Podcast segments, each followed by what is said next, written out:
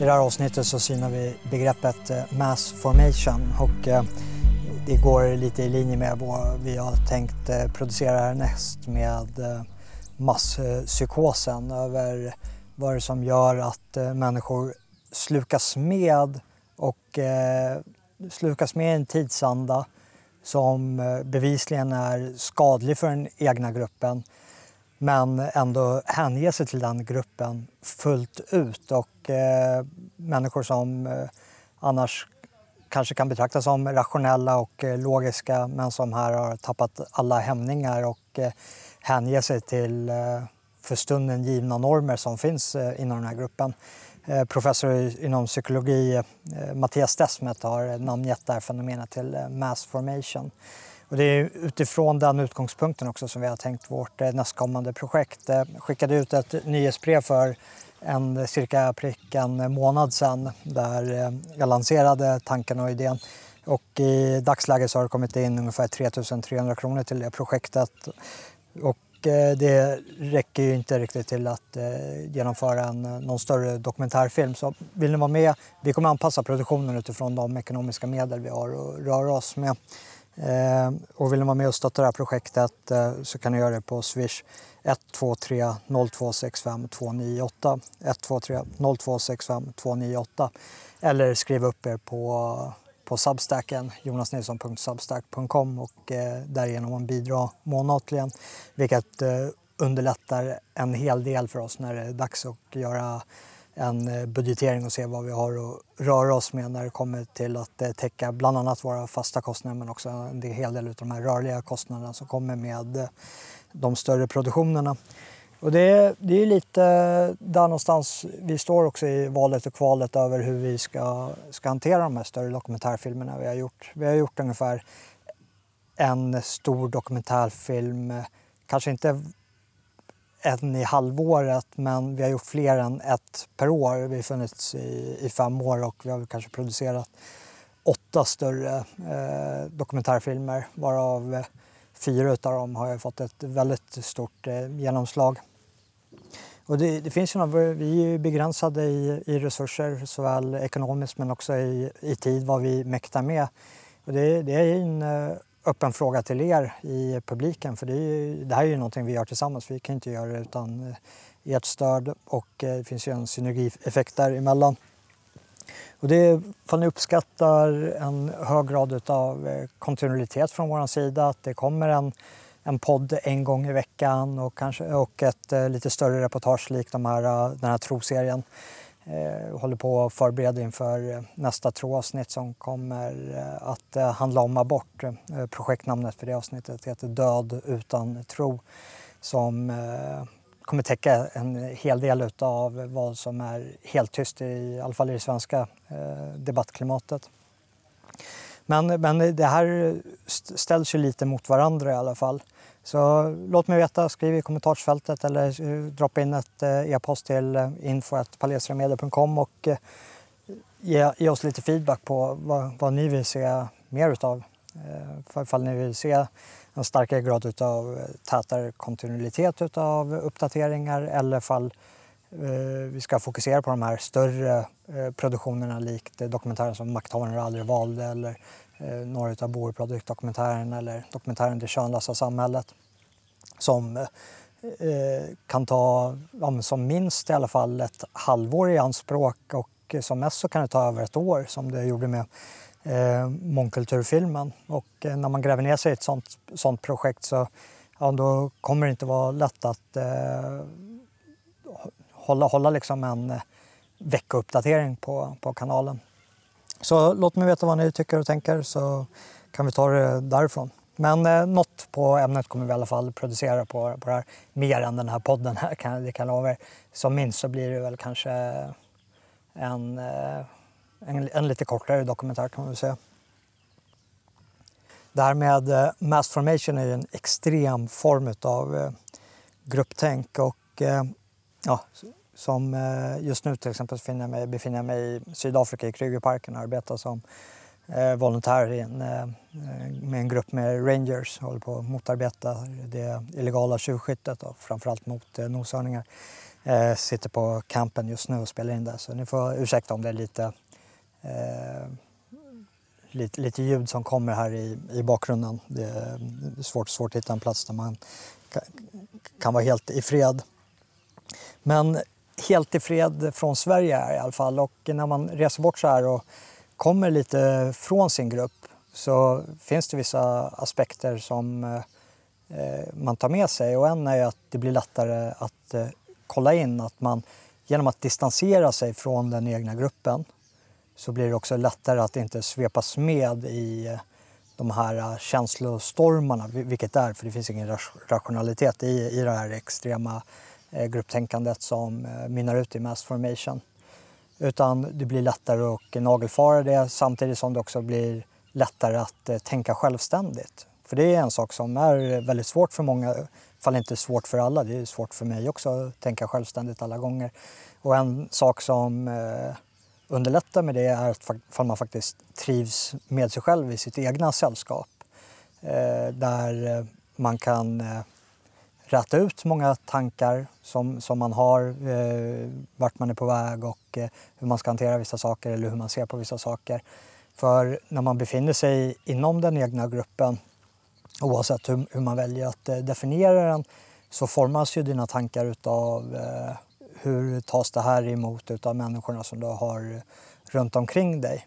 Och eh, det kan vara allt från familj, släkt, vänner men eh, även eh, arbetskollegor, eh, idrottsföreningar, dina hobbys och speciellt när du väljer att eh, artikulera eh, tankarna högt. För då blir det ju så här, ja, men hur kommer, kan jag säga det här? Hur, hur kommer det tas emot här? Och det är ju någonting som vi kommer kika på här, eller som Desmet eh, när han la, la fram det här iakttog väldigt kraftigt i, i form av den här covid-hysterin. Att Eh, att man kunde inte säga vad som helst för att det var som ridåerna var nere. Oavsett vad det handlade om eh, lockdowns, eh, lockdownsförespråkarna och maskanvändningen över till vaccinet. Och det här var ju saker som det spelade ingen roll om det fanns fog för eller inte, alltså ett vetenskapligt fog för, för det.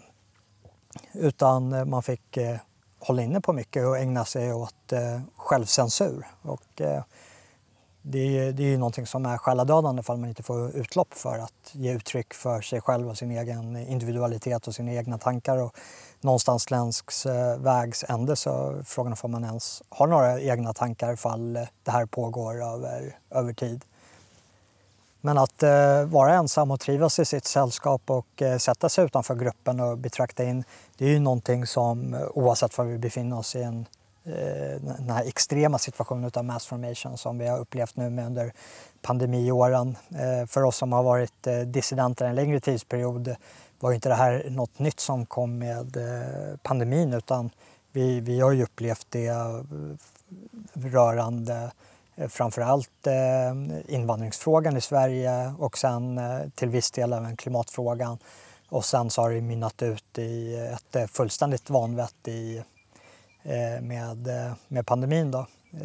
Sverige är lite, lite unikt i det avseende för jag upplevde ju ett starkare mass formation situation när det kom till hur den Sverigevänliga rörelsen behandlades än vad det gjordes med eh, att vara kritisk till eh, de här eh, åtgärderna som vidtogs på många ställen varpå vi stod lite vid sidan av. Men de här rättrogna krafterna inom gruppen, alltså oavsett vad som är orsaken till masspsykosen just nu. För det, man ska tänka sig nästan i de här termerna att man ser en ekvation varpå det innehållsanpassade budskapet har mindre bärighet för det är flyktigt för det kommer ändras eh, allt eftersom tiden fortlöper. Och stannar vi då på till exempel eh, invandringsfrågan så har ju den förskjutits en väldigt lång bit till att eh, vi numera har ett sverigedemokratiskt samhällsperspektiv på invandringsfrågan över att om det har inte varit hållbart. Det, Sverigedemokraterna har haft rätt men utifrån de som fortfarande är fast i det grupptänket skulle aldrig medge att Sverigedemokraterna hade rätt och de kommer definitivt aldrig be om ursäkt för det utan perspektivet är snarare att ja, men vi som grupp vi hade rätt då och eh, vi som grupp vi har även rätt nu. Och eh, vår försvarsmekanism mot de som har vågat ställa sig emot gruppen är snarare att eh, stigmatisera dem och försöka ja, rent utav sagt nästan, eh, nästan krossa dem. Så det är ingenting som eh, en, en, eh, en grupp man ska inte tro att du blir tackad av gruppen bara för att du ställer dig vid sidan av och eh, börjar nagelfara vissa av normer som är rådande i den här gruppen utan du kommer bli attackerad för dem oavsett vem som har objektivt rätt eller inte.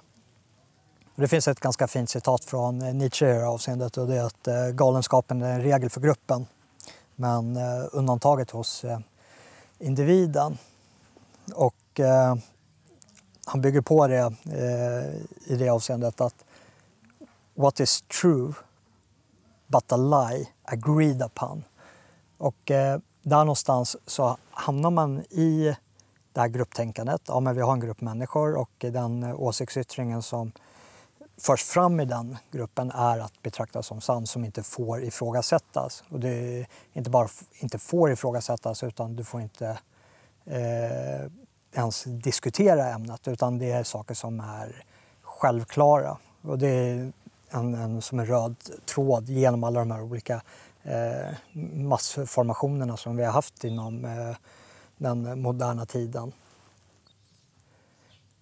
Och alla de här catchphrasen, det är ju, det är ju de här gemensamma lögnerna som vi har samlats kring som en absolut sanning. Den är så förenklad och eh, desto större en grupp är desto mer och man ska förmedla sånt här budskap så blir de här förenklade catchphrases blir nästan som ett medel till att eh, hypnotisera medlemmarna i den här gruppen till att de inte ska behöva tänka själva utan de behöver bara memorera den här catchphrasen och förhålla sig till den.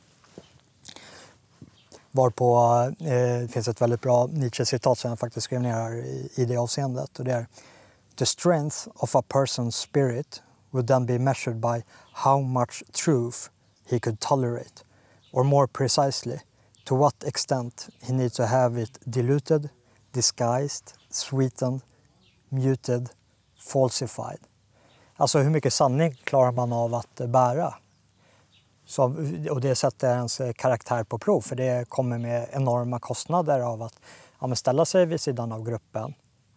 Ja, inte bara nog med att du kommer behöva bära all den stigmatisering som kommer med att göra det, men du behöver också bära all den sanning som finns där eh, ute som gruppen har gjort en strutsmetod och bara gömmer sig för. Vilket eh, verkligheten är ju vad den är. Det spelar ingen roll hur långt ner i huvudet du kör i marken. Eh, konsekvenserna av eh, den förda politiken kommer så småningom att göra sig påmind och eh, de här systemen eh, Eh, som bygger på den här mass formation, eh, det som jag brukar hänvisa till bland annat Sovjetunionen, att eh, de klarar bara av att bära sin, eh, sin lögn, dårs, eh, dårskapens vikt i en viss utsträckning. Och sen så kommer det att kollapsa på sin egen vikt och då gäller det att eh, man har stått vid sidan av, man har byggt upp eh, parallella strukturer, små oaser där man kan andas så när väl eh, lögnen kollapsar på sin egen vikt så faller man inte in där under själv utan man står frisk eh, vid sidan av. Men man ska eh, också komma ihåg att eh, bara för att gruppen är fylld av eh, dårskap och allsköns lögner och förenklingar här till livet så är det ju också gruppen sak som håller oss eh, vid våra sinnesfulla bruk. Eh, vi, vi är ett flockdjur och att isolera sig från gruppen kan eh, lika gärna som att det ger dig en viss form av klarsynthet så kan det också få dig till att eh, sväva iväg till eh, en eh, e-, egen form av vansinne. Gruppen agerar ju som ett eh, ankare kan man säga som för att inte kunna orientera sig ut till Eh, helt eh, vansinniga upptåg. Utan det finns ju någon checks and balance där över att ja, men gruppen ger uttryck i vanliga fall, alltså ifall den inte är under mass formation och sådana saker, eh, normativa uttryck som har varit gynnsamma för gruppen och kunnat levt, eh, levt över tid. Och sen nu lever vi i en teknologisk eh, tidsålder som gör att eh, svängningarna kan gå väldigt snabbt på grund av Eh, det här informationsflödet vi har. Och det är någonting som Desmet sätter fingret på också. Det är att mass formation som vi känner den idag är ett eh, nytt fenomen. Alltså med nytt fenomen så menar jag sen, eh, eller han då, sen införandet av massmedia och han går inte så långt tillbaka som till tryckpressen utan snarare då kanske att det finns en symbios utav över hur en maktelit kan nå den stora populusen. Då, där tryckpressen garanterat spelar in men det i sig själv har inte varit tillräckligt.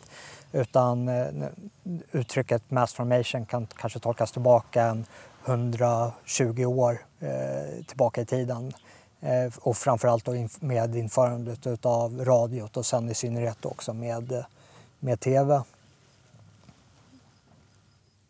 Och han eh, definierar mass formation som en form av hypnosliknande eh, tillstånd där eh, individerna eh, inte kan förmå sig att eh, tänka fritt utan man förhåller sig till, till gruppen och låter tänkandet skötas utav andra. Och eh, det spelar ingen roll för att gruppen ändrar sig i en tvärvändning utan har man upprepat en sak, eh, inte, inte ens ena dagen utan kan vara samma dag och så kommer ett eh, direktiv om att ja, nu gäller det motsatta, nu fortsätter man att eh, eh, svänger man som alla 1984 i eh, George Orwells eh, sanningsministeriet.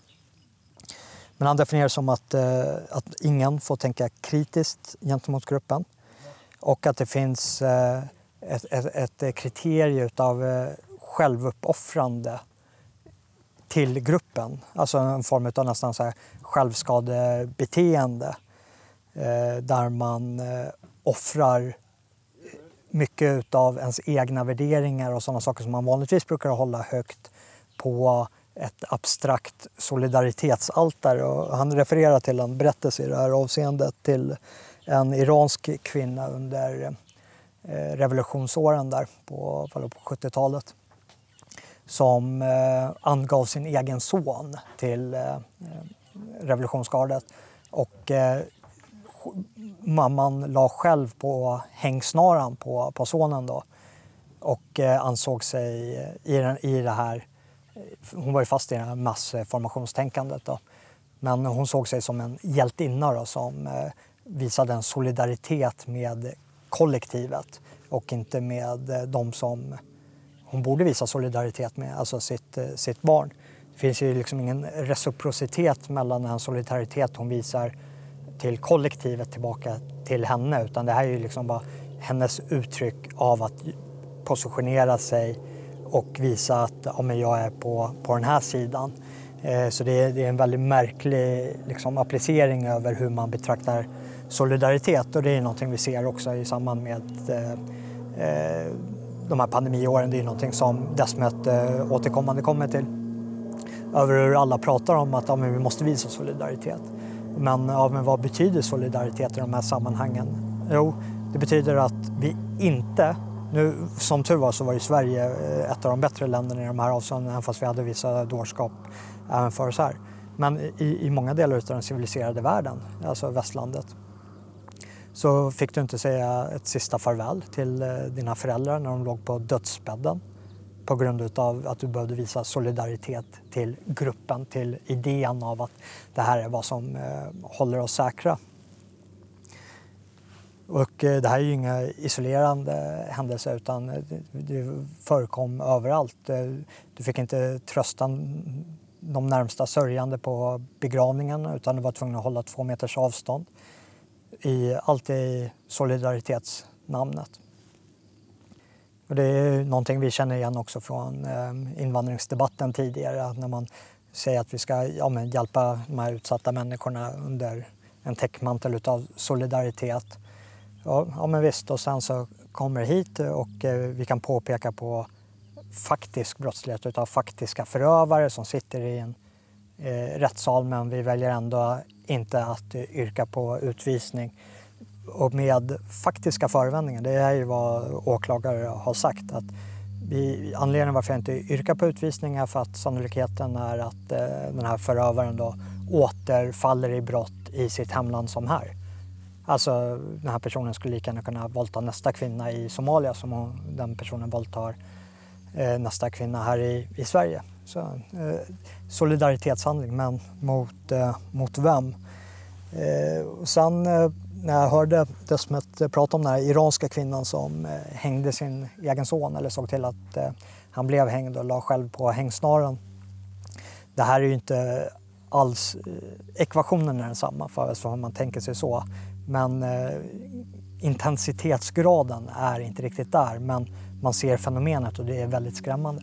Och det var när Sverigedemokraterna kom in i riksdagen och eh, ja, men varje val var det alltid så här, ja, men vi är, eh, ja, vad var det första, jag vet inte, jag kommer inte ihåg hur mycket Sverigedemokraterna hade första valet, men vi är de 96 procenten eller vad det är och sen så sjönk det till 87 procent och så sjönk det till, ja, vad det är nu, under 50 procent kanske med tanke på att eh, de är ett regeringsunderlag.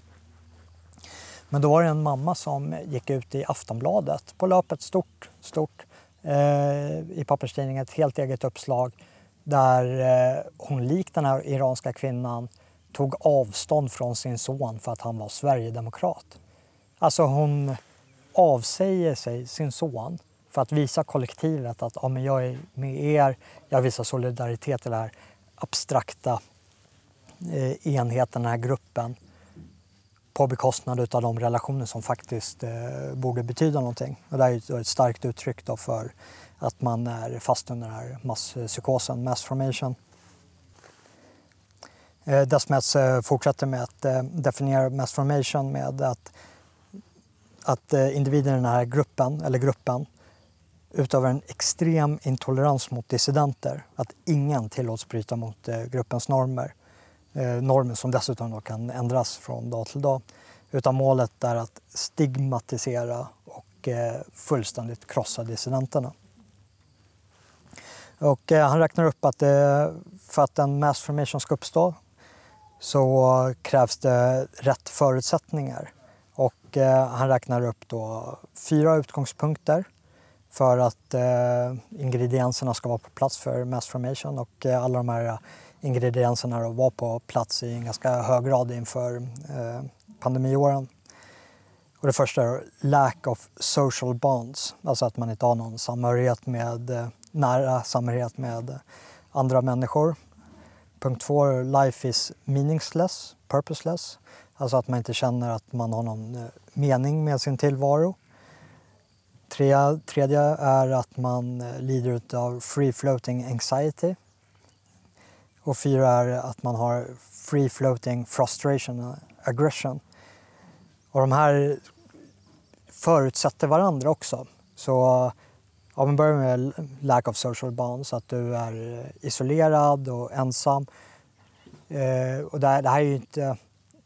Man ska skilja på att vara ensam och isolerad, alltså att man frivilligt eh, trivs med sig själv och eh, väljer vilka interaktioner man ska göra eller liksom avskiljs eh, gruppen under frivillighet för att eh, gruppen i sig är helt, eh, helt vansinnig. Man inte ställer upp på det som händer där kontra till att man de facto är ensam, känslomässigt ensam. Och är man då känslomässigt ensam, att man inte har några nära sociala band, ja men då kommer punkt två som ett brev på posten med att, att du blir får en känsla av att allting känns eh, meningslöst och att du saknar ett syfte. Vilket i sin tur leder till tredje punkten att eh, du får en friflytande ångest. Och med friflytande ångest så menar han att, eh, att eh, du inte kan definiera vad eh, som är upphov till din ångest. Till exempel om att, att du råkar ut för en sak, du har en tydlig startpunkt på det, du har en tydlig aktör eller ett objekt som är upphov till vad din ångest eh, må vara, som det kan härledas till och du får en slutpunkt på det. Du, du, din kropp, din sinne, din medvetenhet kan hantera det för att det är mätbart. Medan eh, är det friflytande så vet du liksom inte riktigt vad som är, är upphov till det. Utan du har bara den här ångestkänslan inom dig. och att livet känns meningslöst. Och det här leder då till punkt eh, fyra, att, eh, att du får en friflytande aggression också. Att eh, du, du får en kort startsträcka som kan bara räcka med att gnista till och du kan ge utlopp för en aggression mot eh, aktörer som eh, inte förtjänar det. Alltså att du är eh, extremt vresig kan man kanske, kanske säga.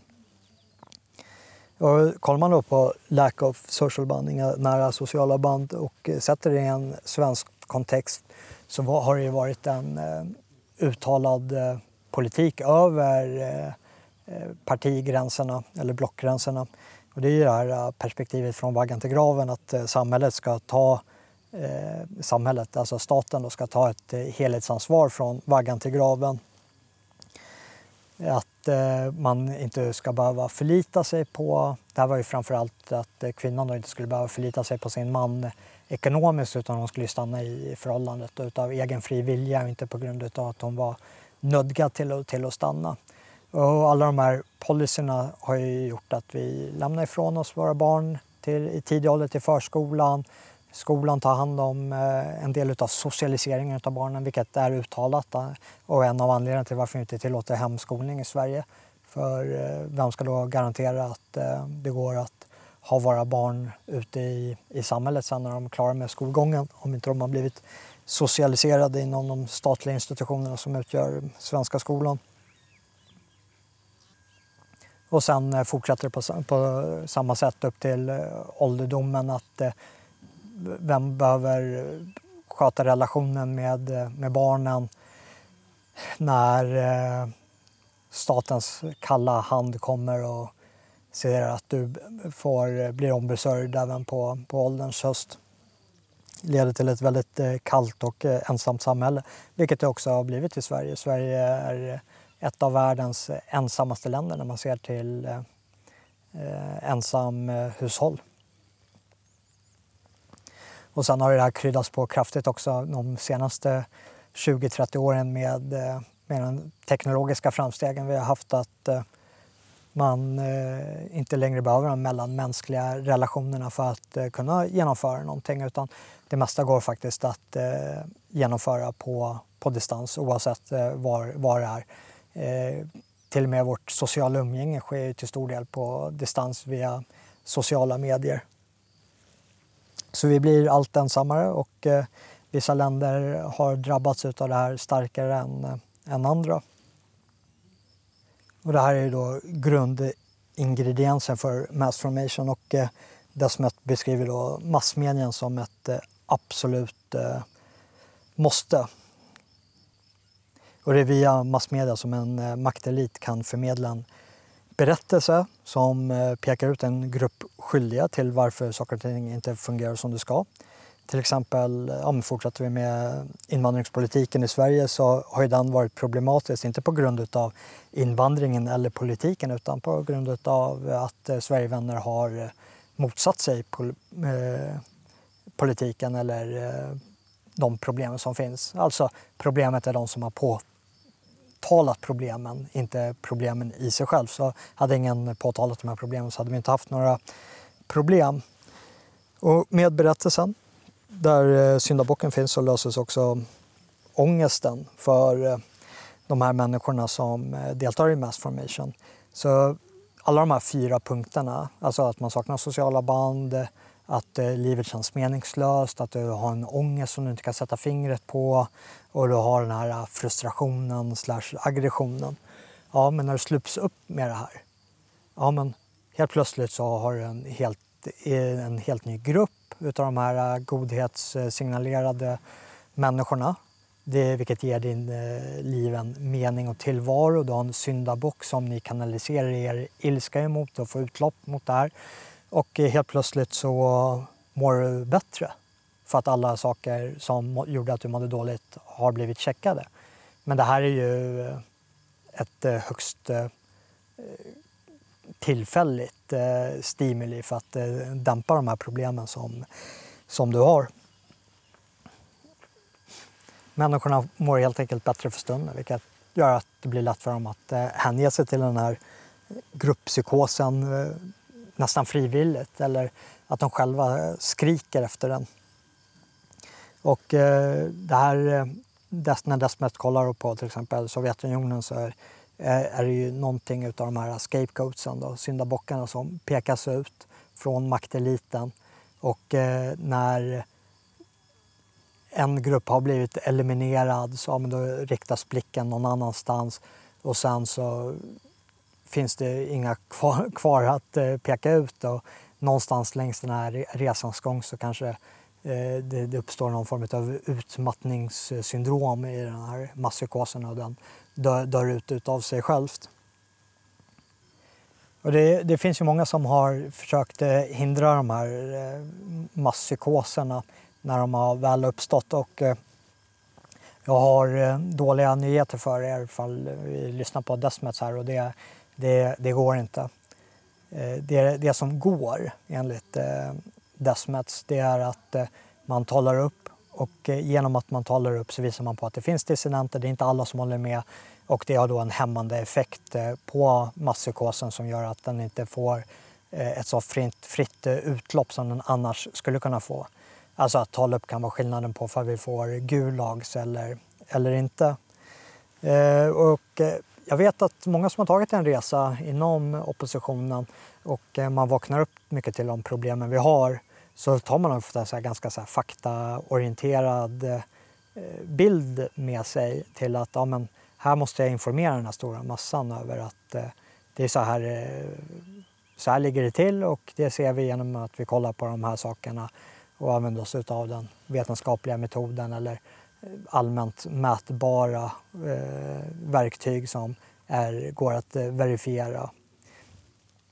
Och eh, kommer tänka på Jag intervjuade ju Carl, professor Karl-Olof Arnsberg i mångkulturfilmen och eh, han hade lite det här perspektivet när, eh, när han gav sig in i samhällsdebatten att, eh, att eh, man eh, behövde informera befolkningen som att eh, de inte visste, de var inte medvetna om vissa saker att eh, om det, det här förhåller sig på det här sättet, alltså om vi pratar om invandringen då, att det kommer med de här kostnaderna och det ser vi genom att vi kollar på det här och det här och det här. Men det var som att tala för döva öron för honom. Och det är ju för att människan inte är ett eh, rationellt väsen. Vi, vi är eh, det som, som Aristoteles sa, att det som skiljer oss från djuren är ju förnuftet. Och eh, vi är förnuftsmässiga och vi går och resonerar med och vi kan föra resonemang och vi är i många avseenden är vi rationella. Men det är inte det som reglerar över hur vi väljer att leva våra liv i samhället utan vi är ett flockdjur och vi är väldigt känslostyrda när det kommer till eh, hur vi väljer att eh, leva det livet. Vi lever alltså efter, mer efter berättelse och identitet över hur vi betraktar saker och ting snarare än att vi lever efter eh, rent eh, id, eh, ob, objektiva, identifierbara intressen över vad som eh, kan betraktas vara bra för oss eller inte. Utan det gäller att eh, de intressena synkar in med den identitet och de berättelserna som vi lever ut. Så, så Desmets poäng är för att det enda vi kan göra för att minska effekten av eh, den här massformationen är att tala upp och att eh, över tid så kommer, och desto mer vi talar upp och desto fler som gör det, desto snabbare kommer de här utmattningssyndromen komma in hos eh, gruppen och eh, till slut så kommer de att eh, kollapsa på sina egna lögner. Att eh, det, det som de tror och det som de hänger sig åt eh, är inte i direkt korrelation med den mätbara verkligheten om man säger så. Och därmed så behöver de saker och ting som kompenserar upp de lögnerna och eh, det kostar tid och resurser av ja, bara mänsklig energin av att eh, hela tiden hänge sig till vad Orwell kallar för dubbeltänk. Då. Och eh, att genom att tala upp så påskyndar man den här processen samtidigt som man mildar Eh, effekten av det mest eh, tänkbara katastrofala utfallet.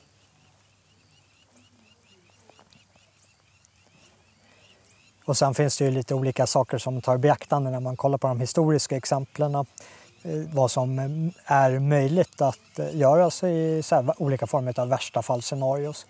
Och tar man då Sovjetunionen som Desmet återkommer till så var det det som möjliggjorde den ideologin som gavs uttryck där baserades ju på de teknologiska framstegen som hade skett fram till dess datum varav eh, infrastrukturen var en väldigt viktig del. För eh, utan till exempel järnvägsnätet så kan du ju inte centralisera alla resurser för att sen eh, distribuera ut dem. Så det var ju någonting som möjliggjorde för till exempel svältdöden i Holodomor. Och eh, här ska man verkligen ta ett, eh, en eh, varnande blick över vad de nutida makteliten, vad, vad de pratar om och vad de baserar sin ideologi på. Eh, vilket också är de teknologiska förutsättningarna vi har här. Och då är det ju inne på transhumanism, att vi ska ha chip inopererade i, i hjärnan till exempel. Och eh, det här är ju någonting som är extremt oroväckande. Vilket, vilket gör att eh, insatsen är, eh, är väldigt hög på desto mer teknologiskt möjligt det är att eh, dels bygga upp ett välstånd, vilket gör att eh, dårskapen kan fortsätta under en längre tid. Sovjetunionen eh, levde så pass länge som det var på grund av alla resurser som de kunde allokera eh, centralt på centralt håll. Hade det varit ett mindre land utan eh, de starka naturresurserna som Ryssland satt inne på så hade det eh, kanske gått undan eh, lite snabbare eller gått samma väg som Kina då, att det på sina delar gör, ägnar sig åt ideologisk pragmatism och gör vissa former av avkall på, på den renläriga kommunismen. Men enligt Desmet så är det i alla fall inte alla som faller in i den här massformationen. Utan han gör en eh, kategorisering att det är ungefär, och det är, det är siffror som är lite höftade och eh, det är han eh, noga med att påpeka också. Men det är ungefär 30 procent av befolkningen som är utsatta för den här propagandan som blir totalitära, som blir de här fullständiga vanvettiga människorna. Och sen så är det 40 procent som följer med, som är kanske ja, uppslupna av sina egna liv på ett helt annat sätt och eh, är relativt obrydda utan gör som de blir tillsagda och eh, kanske vet eh, när de upprepar de här lögnerna, de här catchphrasen, om de totalitära, de tror på dem utav sitt innersta essen. Medan de här 40 procenten, fall de säger det, om de vet att det är ett skådespel, att de ger en lögn, sina läppars bekännelse. Och sen så eh, kanske de eh, måste duscha av sig sen när de, när de kommer hem.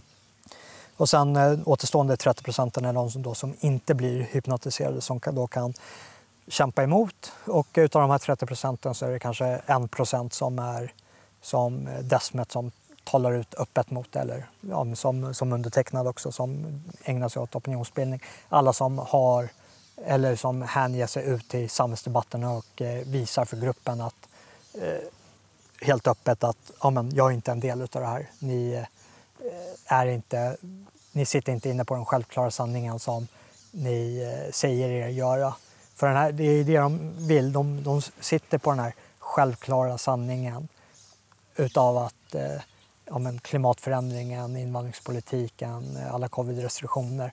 De är så självklara så de kan inte ens ifrågasättas. Lita på vetenskapen. Och att eh, då någon bara har fräckheten att bara sträcka upp handen och bara, men är det verkligen så självklart? Det audacity, alltså hur vågar någon ifrågasätta de här självklarheterna? Och eh, utav eh, de här 30 procenten, så även fast det kanske bara är en procent som agerar eh, så pass öppet som eh, eh Desmet och, eh, och jag gör, så alla andra där 30 procenten ger inte de här lögnerna sina... De, de tar inte lögnerna i mun, de återupprepar inte det och eh, de pratar ut eh, hos nära kära vänner. De kanske är mer utav den här kategori, kategorin utav den här jobbiga farbrorn som är på familjemiddagarna och eh, släpper lite truth, truth bombs. Vilket i sig är väldigt, väldigt nyttigt. Och det finns i alla fall ett stort stort eh, problem här när man kollar på dynamiken. Och eh, det är när man betraktar saker och ting i ett samhällsliv. Man kan betrakta det civilt, över hur människor väljer att leva sina liv eller så kan man betrakta det politiskt. Och, eh, och där ska man vara medveten om att allt är politik och det som inte är politik vilar på ett politiskt beslut av att inte vara det.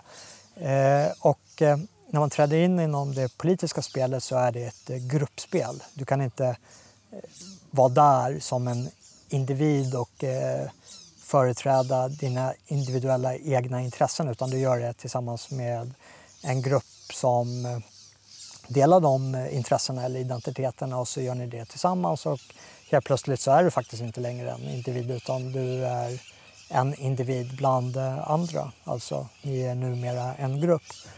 Och eh, problemet som uppstår, som Desmet målar upp, är att de här första 30 procenten som är totalitära, de blir en väldigt enhetlig grupp. De är backade av massmedia och de är backade av makteliten. Så de framstår som den här stora samlade massan utav en stark beslutsamhet till var riktningen vi ska gå och eh, vad de vill. Vilket gör det väldigt lätt för dem att få med sig de här 40 procenten som är eh, lite eh, nonchalanta till, till allting. Och eh, problemet för de här återstående 30 procenten som kämpar emot är att, och det är både på gott och ont, men det är att det är en väldigt heterogen grupp. Det är från alla olika klasser, från alla olika demografier. Det går inte att sätta fingret, du kan inte göra en stereotyp av den här eh, 30 procenten. Vi ser ju hur eh, massmedia har försökt svartmåla med de värsta tänkbara eh, epiteten som de känner till, vilket oftast brukar vara då rasist eller konspirationsteoretiker och sådana saker. Men kollar man då på frihetsdemonstrationen i, i Stockholm, aldrig sett en sån spridd skara människor i, i hela mitt politiska aktiva liv. Och samma sak med eh, Freedom Convoy i, i Kanada. Utan det, det, finns en extrem eh, folklighet, en extrem bredd. Vilket i sig är då positivt, att det, om det kan visa att om det, det här är verkligen massan av människor som motsätter sig det. Problemet är att det är svårt för de här människorna att eh, organisera sig till en politisk enhet och eh, delta i det politiska spelet på samma sätt som de 30 procent utav de totalära krafterna. Och eh, för de här 40 procenten så är det väldigt viktigt över vart de svänger. För är det någonting som du kan vara helt säker på och det är att eh, om du, om du vill veta vad en grupp människor, hur de kommer bete sig, ja men de kommer ta den minsta motståndets väg som kräver minst tankeverksamhet och bara följa den, den strömmen. Och eh, det, det, är ju den dominerande parten som är det eh, många gånger. Och eh, det är ju tyvärr de här totalitära krafterna som är backade utav, utav massmedia. Desmet påpekar också att det, fanns ett, eh, att det finns ett eh, ganska intressant cykliskt element här och det är att den här minoriteten då som är sanningssökande, som eh, arbetar mot den här stora majoriteten som hänger sig till all form av dårskap. Det betyder inte i sig att eh, minoriteten som är sanningssökande att eh, eh de sitter på den verifierbara eh, sanningen, hur man nu väljer att mäta den. Men om de gör det, då kommer de också troligtvis att vinna över tid. Eh, för att eh, någonstans så är sanningen som ett eh, gravitationsfält som vi är tvungna att orientera oss mot. Och strävar vi för långt borta, då kommer vi också att kollapsa under de här lögnerna som Desmet eh, beskriver det. Och han lyfte ett eh, historiskt exempel på det. Och det är att det är vetenskapen i sig självt att eh, om vi backar några hundra år så var vi, och man skulle kunna ta det exemplet ytterligare ett steg till, till kristendomen, men att eh, vetenskapsmän hade det lite kärvt på grund av eh, eh, kristendomen och eh, man behövde bryta igenom det för att få genomslag för eh, vissa av de vetenskapliga teorierna för att det kanske gick stick och stäv med eh, hur eh, kyrkan tolkade det kristna budskapet. Och eh, varje gång det blir de här spelen, och det, det är ju att det är också en, en kamp om makt att eh, när en struktur förändras på grund av nya perspektiv kommer in, ja, men då kommer också en maktbalans ändras. Och eh, ja, men då fick vi ett starkt, eh, en renässans när det kom till eh, vetenskapsstudier och eh, vi har blivit allt mer vetenskapliga och sekulära sedan den här tiden. Och eh, vetenskapen har då kommit att eh, dominera vårt eh, synsätt. Och när eh, då en minoritets sanningssökande har då gått från att bara vara eh, en diskurs bland minoriteten till att bli en diskurs bland majoriteten. Alltså vetenskapen i det här fallet. Då. Och i och med att det är diskursen hos majoriteten, då kommer det också att användas som ett verktyg av makteliten för att manipulera den stora massan. Varpå idag vi hör eh, de här catchphrasen utav “trust the science”.